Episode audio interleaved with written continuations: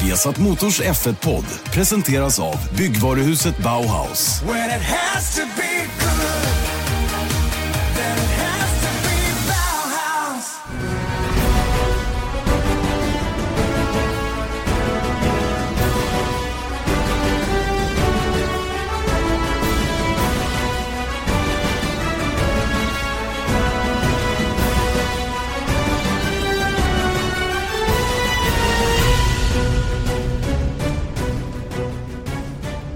Ny vecka och en ny Formel 1-podd. Formel 1-podden från Viasat Motor med Janne Blomqvist och Erik Stenborg hälsar hjärtligt välkomna. Erik, är du med i matchen? Ja, jag är med i matchen. Jag har lite dålig röst bara, men annars så. Det, det var någon som tyckte du hade lite, målbrotts, eh, lite målbrottsduk på den. Du Mm. tyckte att den var lite sexig istället. Ja, jag tycker, ja, jag vet inte vad jag ska säga, men lite rock'n'roll kanske. Du har lite sjungit- whiskyröst. Du har sjungit mycket. Ja, jag måste ha gjort det. Just det. Formel 1-podden hör ni precis som vanligt på Acast, iTunes eller på viasatsport.se och ehm, ja, den är ju kul att göra den här för att eh, nu har vi ju liksom landat i försäsongstesterna som, eh, som då är över. Nu börjar det här eh, liksom analyserandet av allt man har sett och man försöker eh, få ha någon slags samlat intryck av vad du upplevde när du var nere. Du var inte nere lika länge som jag, men, men hur tycker du att det var? Nej, men det, det, det är ju, alltså, det här är ju en intensiv period och man bara följer med liksom vad, vad alla försöker med. Man ser hundratals liksom analyser av long run pace och allting sånt där. Men poängen är att du, detaljerna vet man inte. För att det vet bara teamen och teamen vet inte vad de andra har gjort och så vidare. Det man vet är ju att Mercedes, Ferrari och Red Bull känns starka och Mercedes kanske är allra starkast. Men man hoppas ju samtidigt på det här med Ferrari. Det gör man ju varje år, eller säga. Ja. Inte bara för alla, att någon är med och, fightas lite grann mot, mot Mercedes i alla fall. Exakt. Och eh, tyvärr så måste man väl säga att eh, förutom McLaren kanske som vi ska komma in på lite senare så ser ju Sauber ut att vara Ja, de är i bakkant av mittfältet i alla fall. Det är Ja. ju ingen tvekan om att det är på det viset. Men, men du, innan vi går in på just de här detaljerna. Det jag tycker är lite spännande med alla de här analyserna det är ju de här som försöker med fuel correction. mm, Och eh, jag, eh, jag är ställer mig lite tvivlande till det där. Jag förstår att många använder det är ganska vedertaget också bland teamen. mm, För eh, jag vet att till exempel Sauber har ju, de, de kör in allas data i sina i egna program för att liksom på något sätt försöka ha lite koll på hur de ser ut rent, eh, rent viktmässigt och, och i Mm. förhållande till sig själva och så vidare. Och rent generellt kan man ju säga att Sauber var nog inte speciellt offensiva rent varvtidsmässigt. Även om Nej. det ser vi kan ju tycka att de ligger långt ner och ser lite risiga ut så, så hade de kunnat åka fortare, det är ingen tvekan. Va? Men frågan är hur mycket de andra hade kunnat åka fortare. exakt. Det är ju det som är det intressanta. Och det är ju den jämförelse man måste göra också när vi tittar på Mercedes, Ferrari och Red Bull. Mm, Hur mycket fortare hade respektive team kunnat åka? Hur mycket hade de i, i bakfickan? mm, Varför lyfte Sebastian Vettel av ut på start och målrakan exakt. på sina snabba varv? Och varför gjorde Kimi Räikkönen det inte? Vad var planen bakom det? Mm, Och vad försöker man uppnå? mm, Eh, Merca försökte aldrig gå för några headline-tider egentligen utan de, de tittade ju mer, som jag uppfattade det, som Merca mer fokuserat på till exempel att få motorerna att klara fem helger.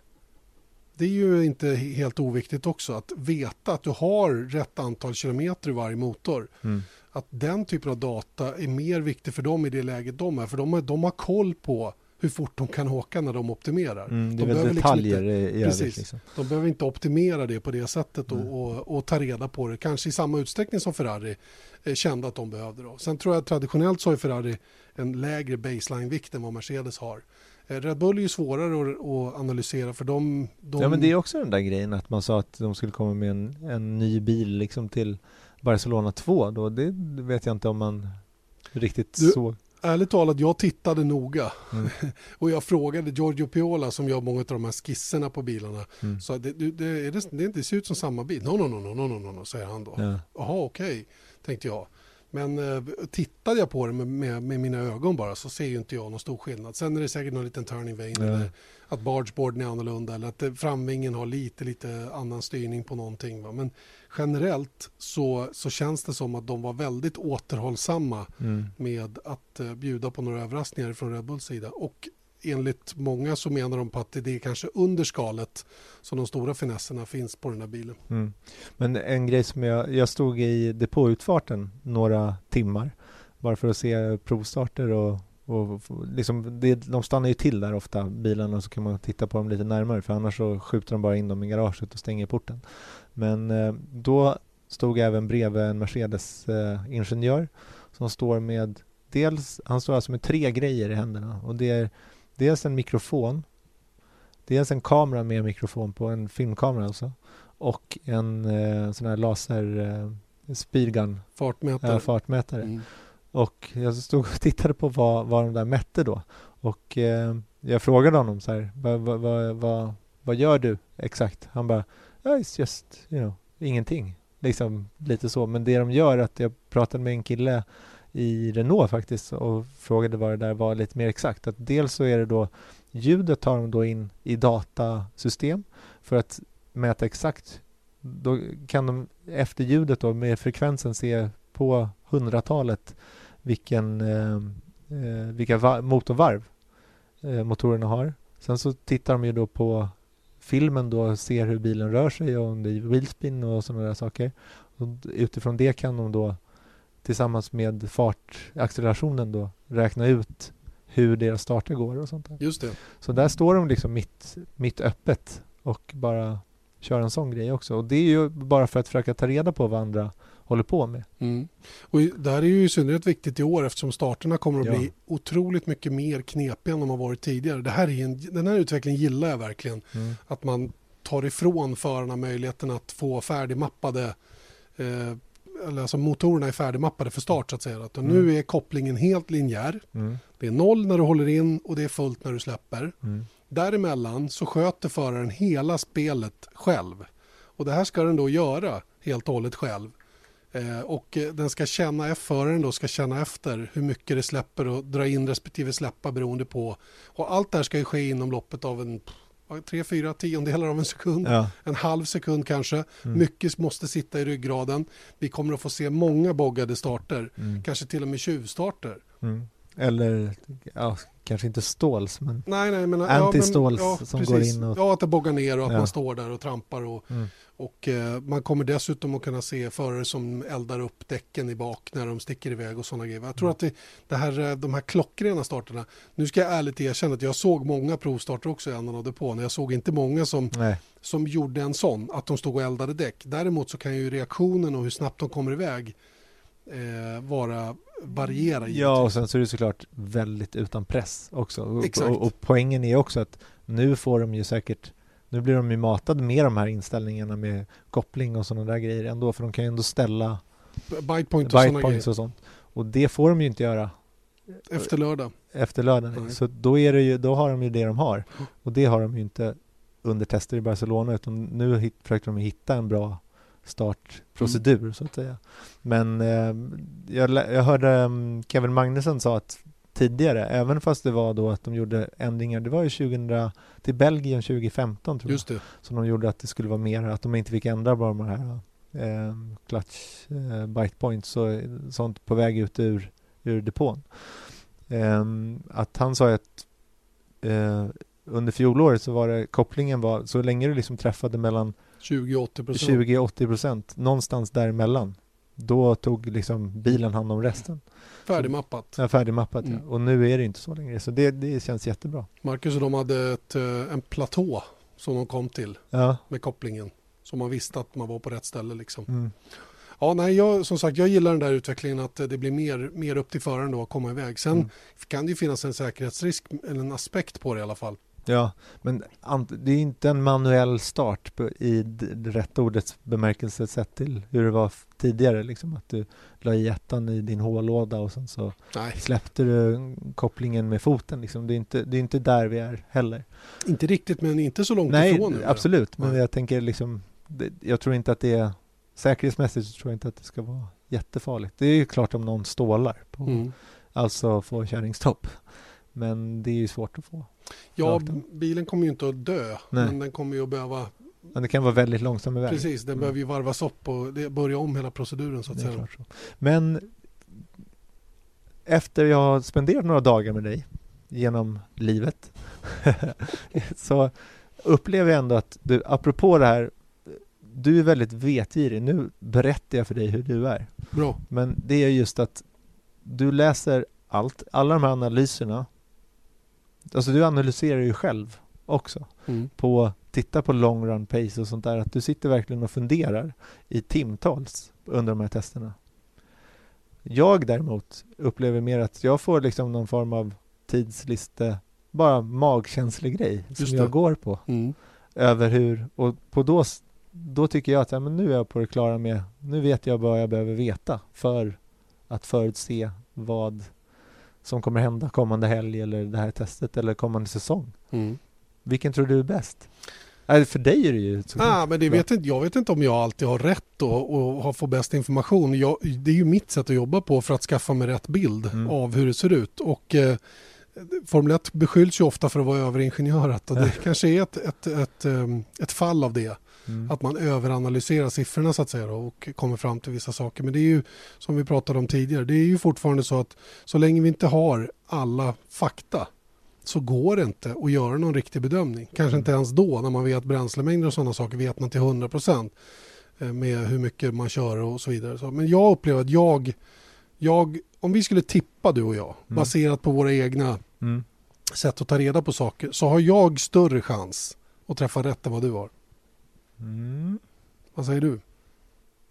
Jag tycker att jag alltid har rätt. Men alltså, ja, men jag kan nästan, vi gör ju sådana här bettinggrejer i kontrollrummet ofta. Så här, topp tre, vem tar pool, var slutar eh, någon random före, var slutar Ocon? Mm.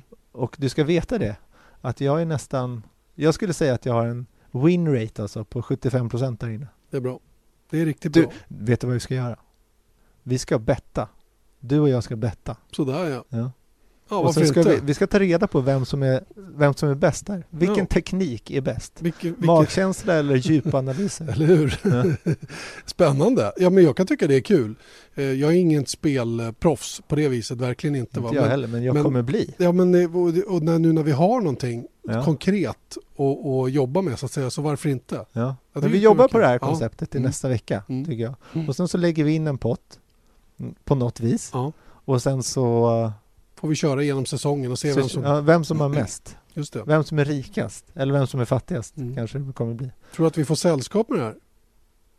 Ja, hörni. Kan inte ni eh, höra, vi har ju vår hashtag, hashtag F1-podden med två D. Mm. Skriv, skriv där vad om ni tycker att det vore intressant att Mm. göra det. För då Mm. kan vi kanske sätta ihop någonting som en, eh, som en liga på något vis. Eller hur? Jag Mm. tycker det vore fränt. För det är inget kul att göra det utan att det fin- finns några incitament. Det Nej. måste finnas ett incitament. Ett, Ja. ett trevligt pris i potten eller någonting. Eller att Ja. man åtminstone tjänar mer. Ja men precis. Man har Och mer ära pengar när man... Ja, också. inte minst. Men att man har mer pengar när man är klar än när man började. Mm. Och sen så tävlar vi alla tillsammans. Men Ja. att kanske du och jag har en egen intern fight. Ja, jag tror det. Om vem som kommer att ta hem det här. då. Analys eller magkänsla. Ja. Det är liksom rubriken på det då. Eller både. Ja, ja men det här kan Mm. bli coolt. Jag tror det. Snälla skriv på om ni tycker att det vore grymt. Absolut. Vi, Eller- behöver, vi gör en liten sån, en sån eh, demoundersökning. Mm. Det här var, vad heter det? Ja, vetenskaplig Eller hur? analys här. Ja, ja, ja. Men, men eh, skriv som sagt, F1-podden, eh, hashtaggen. Det blir perfekt. Mycket bra. Du, vi har pratat mycket om eh, McLaren Honda. Oh ja. För det finns en del att prata om där. Ja. Finns det något mer att säga? Ja. Börjar man nästan undra. Men det är klart att det gör det. Eh, Men hur stor är deras kris egentligen? För, det, för på, på mig, efter, även om man läser mycket, så jag var inte på plats under första testet, men sen så när man verkligen ser den där bilen och framförallt hör bilen.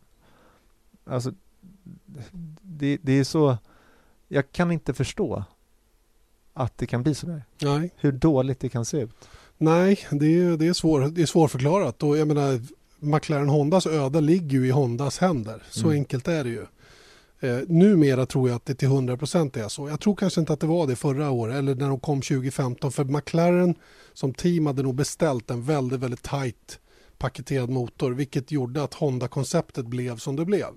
Och det var man ju tvungen att köra med då 2015-2016. Men till i år så har man ju faktiskt ändrat på arkitekturen på motorn, flyttat på, eller man har särat på kompressorn och turbinen då i, i turbon. Och gjort det mer konventionellt, om vi får kalla det det då, med de här komplicerade motorerna. Det ser i alla fall mer likt ut vad konkurrenterna har, till exempel Mercedes. Mm. Och det, det hör man faktiskt skillnad på när bilen kör. Den låter mer som typ en Renault eller Mercedes när den är där ute. Inte det där hårda, ruffa ljudet som var förra året. Förut var det väldigt sådär eh, skarpt smatt där nästan. Ja, det, det, den lät, lät illa helt enkelt. Va? Och, ehm, eh, men problemet är ju inte det. Problemet är ju att de inte lyckas få den till den nivå Mm. där de faktiskt kan vara med och slåss om det totalt Mm. sett. Och eh, jag säger att du frågar hur stor deras kris är. Mm. Den, är den är avgrundsdjup just nu. Mm.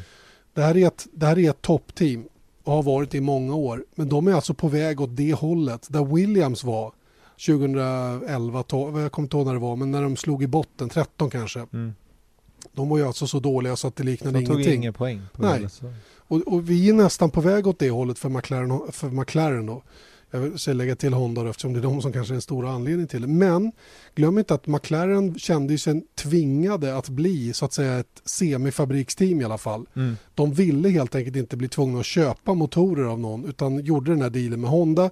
Väl medvetna om att Honda kom sent in i hela apparaten med hybridmotorer och kom ju fruktansvärt dåligt förberedda då till den första första säsongen då 2015. Det blev lite bättre förra året.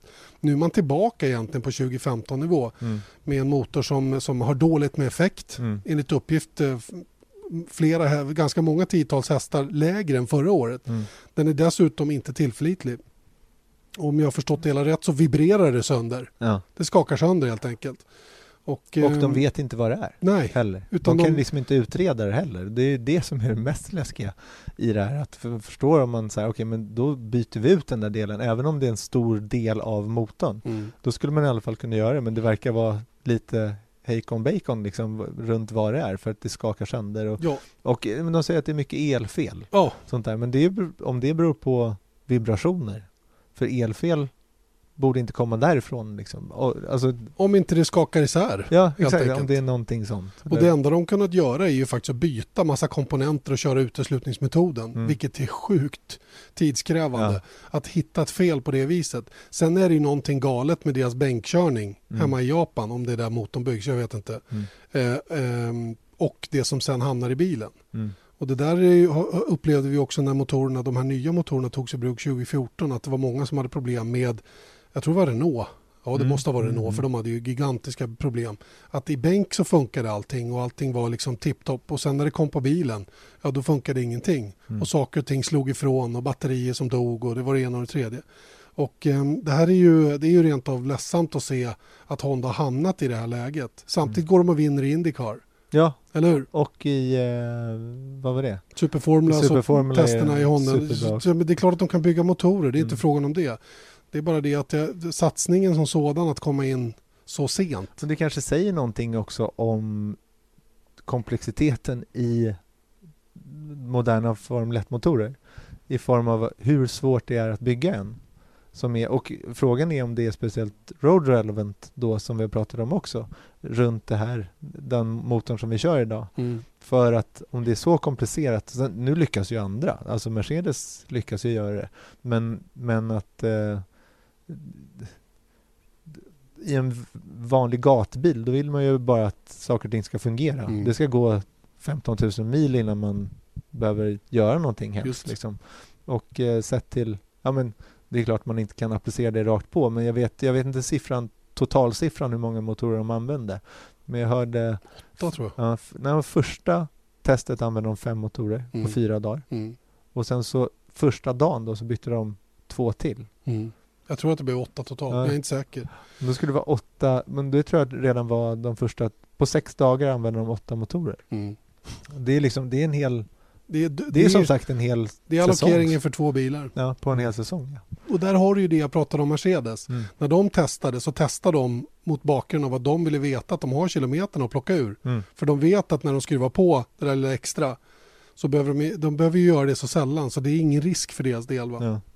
Men du, för det har jag hört mycket, det var, något, det var någon på Twitter faktiskt som frågade oss därför att det var någon, eh, något statement som kom ut från Sauber där det står att här, eh, någonting i stil med att vi kommer inleda säsongen med 2016 års Ferrari-motorer. Mm. Mm. Och då kom frågan om vad då? Betyder det att de skulle kunna byta motor under pågående säsong till Mm. en 2017? Mm. Och så i Saubers fall är det ju garanterat att det kommer de inte göra. Nej. Men det som jag tror att de avsåg där, någon form av mjukvaruuppdatering eller vad det nu Ja, kan tänkas jag, tror vara. att, jag tror att just det meddelandet från Sauber berättade mer att det vi startar säsongen med, Mm, det är den motor som Ferrari avslutade fjolårssäsongen med. mm, Och det är ju den versionen på motor som kommer att gälla hela året. mm, Så att ingen tror att det var den Sauber använde nej. i slutet på förra året, vilket var spec 3. Utan de får spec 4 nu då. Så Mm. det blir nog lite missförstånd här bara. här. Men då, då kommer ju så här, för det har jag också hört då att så här, i och med att Manor gick i konkurs som hade Mercedes-motorer så finns det ju en allokering till ett team redo. Mm. I alla fall till, med dispens. ja, Mm. till eh, till exempel McLaren då. Mm. Men då har de ju Honda. Hela bilen är byggd runt den här motorpaketet, vilket alla bilar är. Mm. Det var det som eh, Renault hade så stora problem med f- eh, fjolåret för att övertagandet från Lotus som skulle kört Mercedes eh, 2016 kom så pass sent så de hade ju redan gjort bilen efter Mercedes-motorn och fick liksom trycka ner den. den. Ja, Mm. och det blir aldrig optimalt. Däremot sett till McLarens resurs- resurser som inte är liksom Sauber-lika Nej, det är de inte. skulle man rent teoretiskt kunna sätta en Mercedes-motor i eh, McLaren-bilen under pågående säsong. Mm. För jag tänker också att här, även om det, och det här är bara ett, i teorin då såklart, eh, men att köra likt eh, Lotus och Renault så hade ju eh, de behövde göra det för de het- hette Renault, de kunde inte köra med en Mercedes-motor. Men sett till var McLaren Honda är idag, McLaren Mercedes skulle, vad som helst skulle vara bättre. Mm. För. McLaren. Mm. Så att jag skulle säga så här, om de kunde göra det så skulle de nog vilja göra det. Det tror jag också. Eh, Det är jag helt övertygad om. Men hur skulle de kunna göra det? Ja, alltså, som, jag, som jag tror att det måste gå till om det ska gå att genomföra överhuvudtaget så måste man ju börja säsongen med två chassin som man har. Mm. Jag tror inte att något team har mer än två chassin nu. Nej. Kanske ett tredje reserv, eventuellt, Mm. eh, i inledningen här nu. Men två bilar, färdiga bilar finns och ganska begränsat med reservdelar även för storteamen. Mm. Nu har ju Red Bull, Mercedes och Ferrari de, här, de har ju stora resurser så de kan få fram nya delar väldigt mycket snabbare. Men där kring tror jag att det är. Vilket betyder att McLaren Honda skulle behöva köra kanske de fyra första tävlingarna Mm. med Honda-motorn och eh, neddragen effekt för att det ska hålla och så vidare. Och så vidare. Mm. Och ska de då byta motortillverkare så krävs det att parallellt med de här fyra så ska en full styrka hemma bygga två nya chassin. Mm. För det är i praktiken det vi pratar om här Mm. som sen då måste få tillgång till de motordata som gäller då för den eventuellt nya tillverkare vi pratar om. Och Mm. bara komma fram till att man ska göra det här Mm. i det skedet vi är idag. Det skulle nästan behövts för en månad sedan att man kom fram till, och det är nog inte sannolikt, för jag tror att man ändå hoppades att det skulle Ja, fungera. men innan man körde på banan så... Exakt. Så att eh, jag säger att det är praktiskt omöjligt för McLaren att byta motortillverkare under pågående säsong. Det är säkert möjligt om man laddar allt man har resursmässigt på det. Mm. Men vad, skulle liksom, vad får det för konsekvenser framöver? För problemet McLaren är på väg in i det är ju att de blir ju inte attraktivare för andra Nej. sponsorer. För vad skulle hända om Honda åker ut? Ja, en, åtminstone halva budgeten försvinner. Mm. Dels skulle de behöva sen köpa motorer och man måste täcka upp för bortfallet ekonomiskt i övrigt. För Honda lägger ju inte bara in pengar för motorerna utan de lägger in pengar i Mm. övrigt också. Så att, Ja, de är eh, ju nästan så här fabriksteams Ja, men eh, läge liksom. det var ju så det var tänkt Mm. och ungefär så som McLaren hade det ihop med Mercedes när de var Mercedes huvudteam. Mm. Och eh, de tycker att den, det sättet att jobba på har fungerat. Mm. Så att, så att jag... Och de skulle ju nästan behöva göra det här under bordet Ja, för att, för att Honda inte skulle... bli tjuriga. Ja. Ja, och jag menar, jag tänker att avbryta ett pågående samarbete med en stor bilfabrikant som Honda. Det är ju säkert kontraktsbrott. Det är det ju garanterat. Eh, Om i- det inte finns prestationsklausuler. Så kan det säkert göra, men under pågående säsong. Mm. För jag tänker liksom rent eh, marketingmässigt för ett företag som Honda, att nej, det här är så dåligt. Alltså även om man kan se det på banan att det inte går bra. Mm. Så att att liksom ett team i, till den milda grad skulle bara ditcha en eh, motortillverkare hade ju varit det är ju dags för harakiri liksom. Mm, mm. Att, Jag måste baske mig läsa på om det har hänt någon gång i historien att någon har bytt mitt. Jag tror, jag tror att det finns några enstaka tillfällen när det var mycket enklare. Ja, det var ju röromschassi. Ja, men om, även, stad. även om vi kommer lite mer modern tid med, med kolfiber och hela den grejen Mm. så tror jag att det har hänt i alla fall att någon har gått från, från en motor till en annan mitt under pågående säsong då, för att Mm. det gick att bulta fast en annan motor Mm. på ett enklare sätt än vad det gör idag. Alltså rent teoretiskt så kan de ju göra det. Det är helt säkert. Alltså att, by- att stoppa ner en Mercedes-motor i den på något vis. Liksom. Titta på Det- Braun. Ja, det är klart att det, att det går. Mm. Samtidigt så... Det, det, pro, problematiken i det är ju såklart att kontraktsfrågor Mm. och att vill Mercedes ens göra det här? Nej, jag, jag menar, är det Mercedes vi pratar om här? Ja. Vilka skulle annars vara aktuella? Ja, Renault eller Ferrari, det är de två övriga som finns då. Mm. Renault, de provider ju motorer nu till tre team, Mm. inklusive sig själva. Mercedes gör det till tre team, inklusive sig själva. Ferrari serverar motorer, eller levererar motorer till tre team, in, inklusive sig själva. Mm. Så att eh, eh, det är ju Haas, Ferrari Mm. och, och Sauber.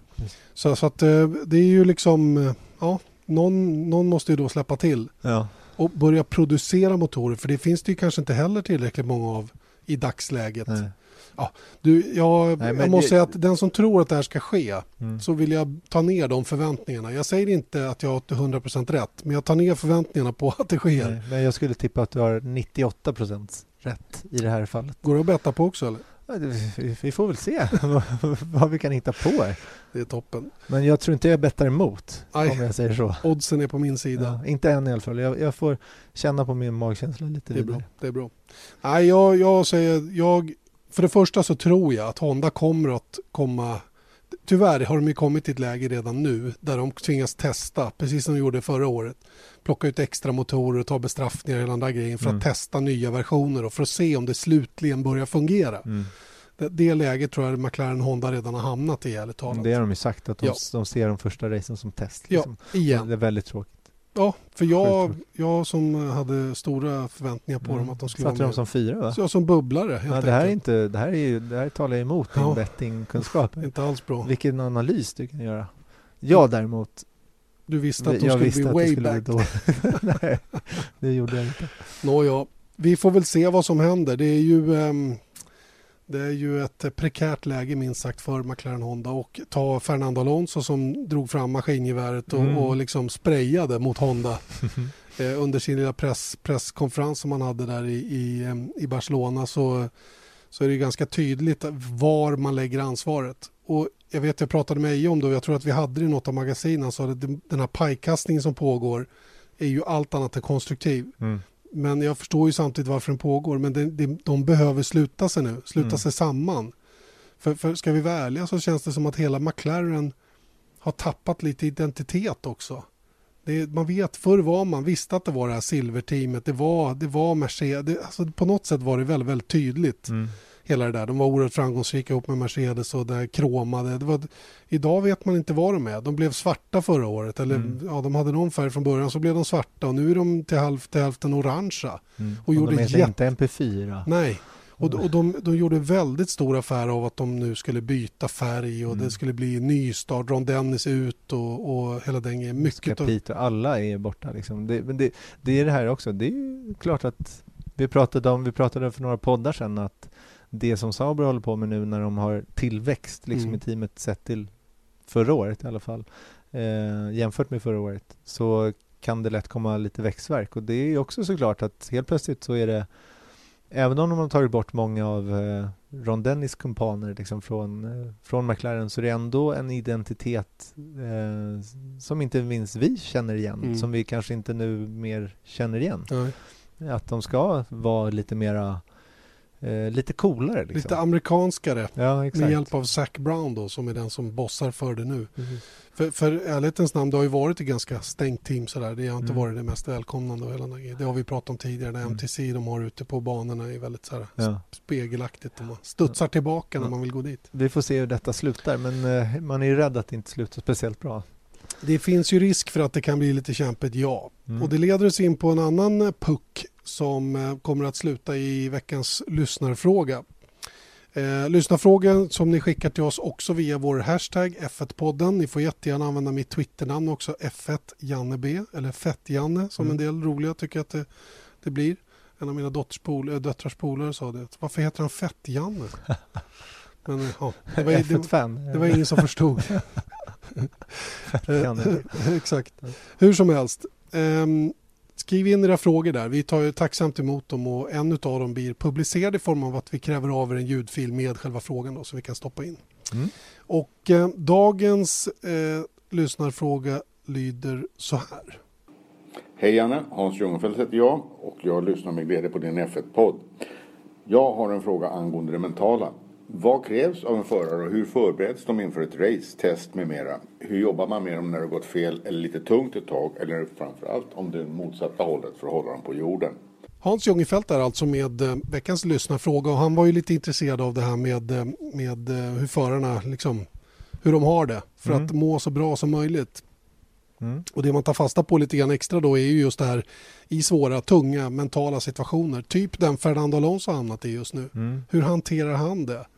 Ja, genom kulsprutor. Ja, men lite är han ju sån faktiskt. Han är ju mera så här äh, attack är bästa försvar på något sätt. Och, och äh, han, han kan nog vara oerhört lojal länge, men Mm. till slut så ledsnar han och då kör han ett, ett, ett statement. Mm. Han håller inte på att tramsa utan det blir ett. Mm. Och så ger han sig på dem bara, Mm. en gång för alla för att markera. Mm. Nu tror jag det är mera en, en strategi utåt sett. Det är intressantare hur han jobbar med det själv. Mm. Och det kan inte jag riktigt svara på. Han har en ganska tajt grupp, eh, Mm. Fernando Alonso, runt sig. Sin, sin personliga tränarassistent som han har haft under en väldigt, väldigt massa år. Två personer Mm. som, som är honom väldigt nära och de har följt med genom teamen han har kört för också. Mm. Och ehm, men om, om man tittar på dels det mentala liksom i form av, alltså Hamilton gick ut förra året och sa att eh, när han hade fått någon fråga om mental träning så sa han att det var i, praktiken bullshit. Vem behöver det liksom? Vad är det för någonting ens? Så att han är ju ingen direkt som sitter och visualiserar eh, sitt perfekta kvalvarv liksom i form av den typen av mental träning verkar det som i alla fall. du, hänger inte det här ihop med att det går så bra för honom att han inte behöver jobba Ja men med det är väl så träning? också att det är inte så mycket. Men samtidigt förra året så hade han ju lite kämpigt. Jag tänker just runt eh, alla de här eh, motorhaverierna som han hävdade att han var utsatt för hela tiden med, medan ingen annan var det. Det det, det är klart att man märker ju på en sån som Hamilton när han inte mår speciellt bra i form av att han har kommit med ganska många sådana där genom åren. Att eh, bara dumma statements, att eh, liksom publikfriande. Liksom i stundens hetta kanske Mm. det kommer men det är samtidigt så han, han kör lite grodor ibland liksom. Men mental träning håller han inte på med i alla fall, menar det som. Inte enligt egen utsago. Nej, nej, exakt. Men det är ju någon form av liksom positivt tänkande är ju också. För att jag såg senast igår på hans eh, Instagram att han skriver så här oh, I need uh, all my fans positive energy to that I'm gonna win this for you, win number four, my title number four. Eh, och det ska jag göra med hjälp av er liksom. Så det är klart att han vill ju också ha människor med sig. Mm. Så att säga. Det kanske inte är en regelrätt mental träning att sitta och jobba på det på, som många liksom, skidåkare gör till exempel. Eh, vi, en som jag naturligtvis kan relatera till väl mycket närmare än alla andra är Marcus Eriksson. Jag, och det här med sociala medier som förarna finns på och agerar runt omkring. Där får man ju blandad kompott kan man ju minst sagt Mm. säga då i form av positiv och negativ eh, feedback. Mm. Och eh, för Marcus del, han, det är ju så här, det finns ju ingen förare som inte vet när han gjort en dålig insats. Nej. Eller hur? Nej. Eller när det har gått dåligt. Och då Pastor de, i de, ja, ska vara det då. Ja. Ja, men I de stunderna så har det ju blivit mera så här eh, att då stänger han av Mm. sociala medier helt och hållet. För det tillför inte honom någonting. Nej. När det går bra och han vet att det har gått bra och han kan liksom stolt säga det och vet att publiken förstår det, då kan man ta till och då finns det här som ett, eh, som ett starkt stöd. Mm. Sen är det här väldigt ytligt såklart. Mm. Men det påverkar ändå, det kan man inte glömma. Det, det ska man inte glömma. Sen, sen så får man ju naturligtvis eh, prata om saker och ting runt omkring sig själv och ha en tajt kärna av människor. Och här märker man ju också hur det kan skilja mellan olika förare hur de här så kallade Mm. entouragen ser ut då. Hur eh, Lewis Hamilton till exempel har ett gäng av sina kompisar runt omkring. Han har sina hundar med sig många gånger. Mm. Flyger private jet. Han ser till att ha en miljö runt omkring sig som han trivs med Mm. och som gör honom tillfreds med livet. Och det här är ju en ganska bra indikation sett utifrån då vad respektive förare behöver om man tittar på deras entourage. För då har vi ju som du sa eh, Hamilton han har sin eh, tränare med sig jämt men även liksom ett helt gäng med folk kan ju Mm. komma. Det kan ju vara åtta pers liksom som går eh, runt i depån med Mercedes hattar som man tydligt ser att de där hör de är med team, team Ham. Eh, samtidigt så har man ju då Marcus Eriksson, han har ju egentligen bara Alex, sin eh, tränare och assistent. Mm. Det är liksom hans trygghet. De reser tillsammans, de bor alltid på samma ställen och jag upplever att de, de umgås mycket privat också, även utan träning. Just Jag det. vet ju när vi var i Los Angeles så var ju de där i nästan tre veckor. Och det är klart att de tränar men de umgås ju 24-7 också. Jag tycker den, den relationen är lite unik faktiskt. eh, Sett till, jag vet ju inte exakt hur alla andras Nej. relationer ser ut med de de har runt omkring sig. Men det här är ju någonting som passar Marcus väldigt bra Mm. och som gör att han mår bra. Han är en familjär kille. Mm. Han bor han- kvar i Kumla, Ja, eller i i Örebro. i alla fall. Mm. Örebro men han har inte flyttat till Monaco. Liksom, Typ. Vilket han s- skulle kunna göra, Mm. I guess.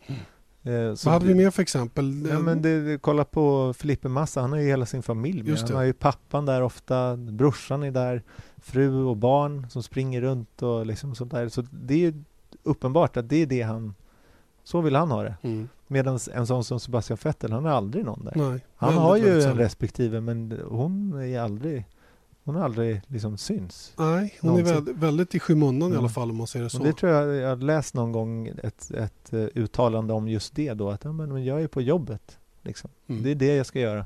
Och det är ingenting annat. Och då behöver inte jag någon annan, förutom mitt team, som ska vara med. Sen så är han en sån där som ska, enligt eh, uppgift i alla fall, han ska eh, förhandla allting själv. Han har ju ingen eh, Ingen manager. manager. på det sättet. Fast Utan han, han ska, det. Ja, det finns säkert någon sån business manager på, på saker och ting. Jag menar, han sitter ju inte... Hur ska han kunna ha tid att hålla på med det också? Ja, men det kanske inte är så svårt. Förstår Nej? Han, nej. han kanske lägger en siffra på bordet och sen så får det tillbaks. Inte vet en jag. Bernie-förhandling. Ja men så kan det ju vara. Så, han var ju med Red Bull, då fick man ju inte Mm. ens ha det vid den tiden som Nej. han var med Red Bull. Så det, då kanske han inte hade det systemet med sig. Nej. Men det tycker jag är väldigt intressant då att, att eh, vi har Ricciardo. Han ska ha två tränare med sig men han verkar inte bry sig speciellt mycket om någon av dem. Eh, sett till liksom träningsmässigt så eller hjälp på det Mm. sättet. Han är inte, det är inte på samma sätt som Alex är för Marcus till exempel. Utan det är ingen sån här bundsförvant eller en kompis eller en trygg punkt. Utan det är någonting annat. Och där tror jag är i alla fall en väldigt tydlig indikation på det är vad respektive förare behöver. De han har runt omkring sig eller Mm. de han inte har runt Mm. omkring sig. Och sättet de, hur de jobbar mentalt och sånt där, det är svårt att svara på. Vi kan ju ta Marcus nya teamkamrat Pascal Wehrlein som vi också har sett när, på nära håll. Han har i stort sett ingen, Nej. Ingen överhuvudtaget som har varit runt omkring honom. Det är ju Saubers anställde tränare Josef som, som sköter om honom precis Mm. som han gjorde med Filip Nasser förra året. Mm. Nasser hade ju dock sin farbror och ofta familjen. Mm. Mamma och pappa kom också ut mycket och sådär och det, de fanns där hela tiden på ett eller annat sätt eh, runt omkring. Eh, En kille som, som kommer upp lite grann när vi pratar det här det är ju Lance Stroll Mm. som hade en mardrömstart på testerna med avåkningar ett flertal gånger och slog sönder bilen och, och eh, faktiskt kompromissade eh, testprogrammet för teamet ganska allvarligt. Mm. Och det där, eh, det måste ju ha varit jobbigt mentalt. Eh, en, en press på honom som han då eh, var tvungen att hantera på ett eller annat sätt. När det gäller just eh, Lance Stroll så vet jag att man har anställt eh, Anne Bradshaw. Mm. Som, Som jobbade med Damon Hill. Ja, bland annat. Hon jobbade även med Marcus Eriksson han körde Formula BMW för då tillhör hon den organisationen. Hon har ju varit med en oerhörd massa år, supererfaren, världens godaste människa och Mm. tror jag är ett väldigt, väldigt bra stöd för, för Lance Stroll. Som naturligtvis kommer ifrån en, en tillvaro hemma där eh, det har aldrig varit brist på pengar, det har varit liksom service på hög nivå hela tiden. Och, men nu är det ju en press på, av en annan nivå på honom när han kommer till, till det här. Mm. Eh, Det här är ju Och speciellt på sättet han kom in också. Ja. Det är klart att det påverkar. Han måste ju bevisa sig liksom, att det här var värt det. Ja, och det här är första gången han tävlar mot förare som är på samma nivå eller bättre nivå än honom själv. Han har ju Mm. alltid haft överlägset material eller överlägsna förutsättningar mot konkurrenterna. Det motorhome man hade med sig när han körde i Formel 3, Mm. det var ju större än alla teamen i övrigt tillsammans. Mm. Så att eh, jag menar det, det, ja, vi, vi, eh, det är ju svårt eh, att kanske ge Hans den här korrekta frågan på hur de mentalt får support. Det här är ju lite upp till var och en förare att jobba med de här svåra perioderna. Och om man tar hjälp av en speciell mental tränare som man går till, det tror jag inte är så vanligt i alla fall. Nej. Jag vet att Marcus gjorde det under GP2-tiden men det tror jag var genom eh, eh, någon i hans liksom, grupp på den tiden som, som hade jobbat med den här killen tidigare. Jag Just. vet att när vi var på Silverstone, det var 2010 tror jag, som jag råkade eh, sitta, vi filmade faktiskt en, en eh, sån här session och då var det just där, han sitter och lutar sig tillbaka, blundar och så får han liksom, eh, ja, vad är det, som, som eh, noter eller vad man ska säga Mm. av den här personen vad han ska tänka på och sånt där och slappna av och sånt där och det är innan han ska köra då.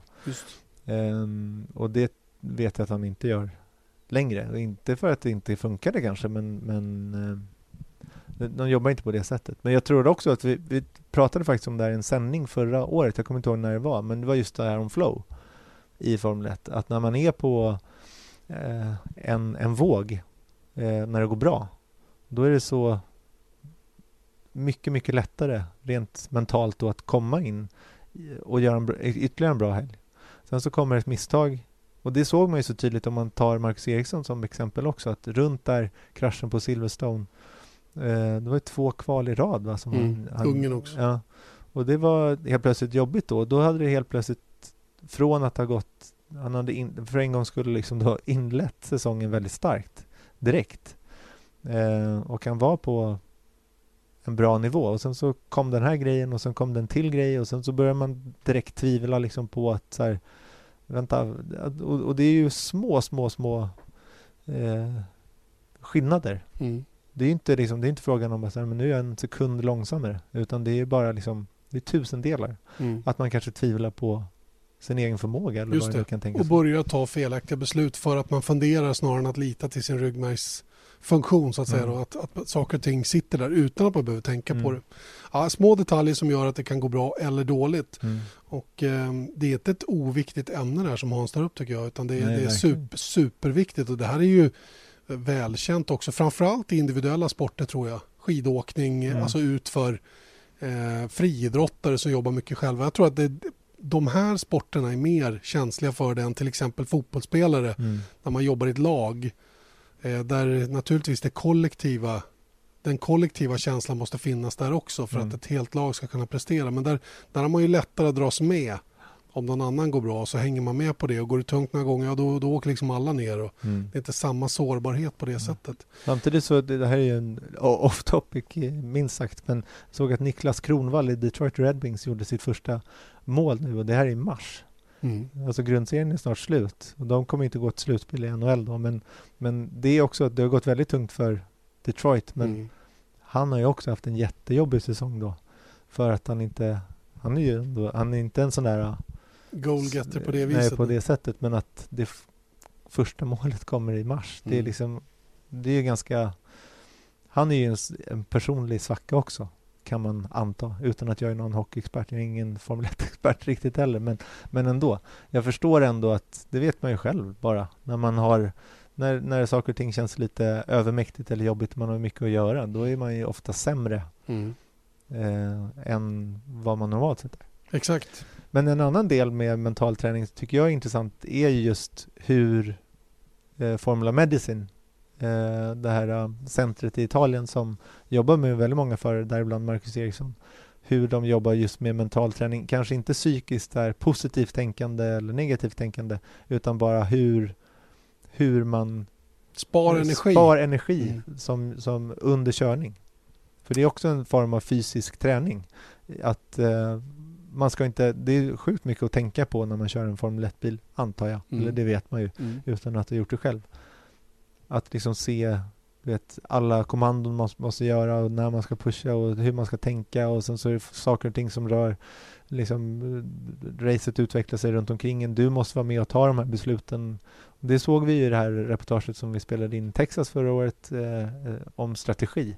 Hur mycket som faktiskt snackas med föraren om Ja, nu tänker vi så här, vad tänker du om det? Så, ja, jag vet inte, vi avvaktar lite dit och sen så, ja, men om några varv där och sen, men, men nu känner jag så här och du vet, det är en himla diskussion alltså under ett race bara för att se hur man ska göra.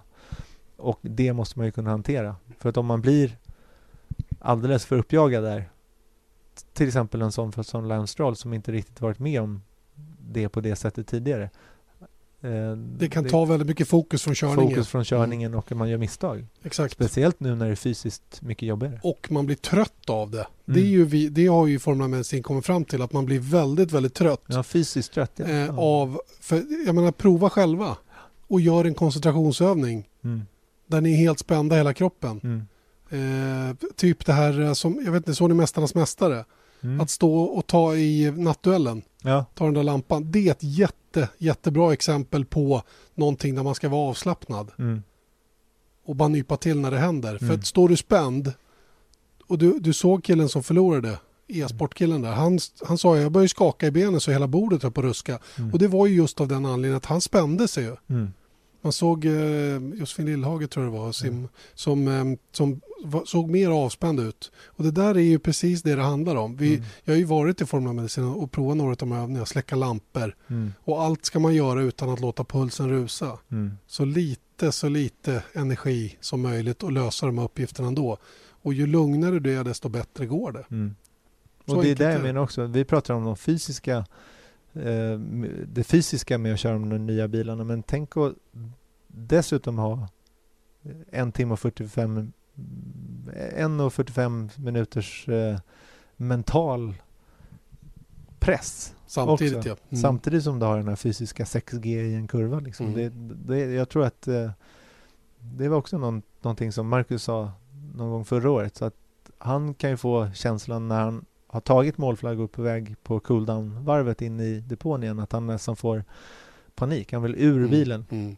För att av den anledningen antar jag. Att det inte är liksom han är inte rädd utan det är bara liksom att han är så trött och mm. liksom han, han, vill ur bilen efteråt. Han vill befria sig själv, av med hjälmen och andas ja. frisk luft och hela den grejen. Och bara koppla av. Liksom på det För allt det där, de har man ju stängt av under själva racet. Mm. Det ska bli grymt spännande att se hur den här nya fysiska bilen kommer att påverka förarna under racen som kommer här nu. Mm. Jag tänker på Malaysia som kommer tidigt, Singapore som kommer sent. Två fruktansvärt jobbiga Malaysia kommer också sent ja, eh, på säsongen. Men det är två väldigt jobbiga race rent fysiskt mm. med värme, den höga värmen och att det sliter hårdare. Kanske mer i Malaysia än i Singapore. Mm. Även om Singapore har det här kastandet fram och tillbaka och, ja, och den ökade greppnivån kommer säkert göra bilarna tuffare att köra. Mm.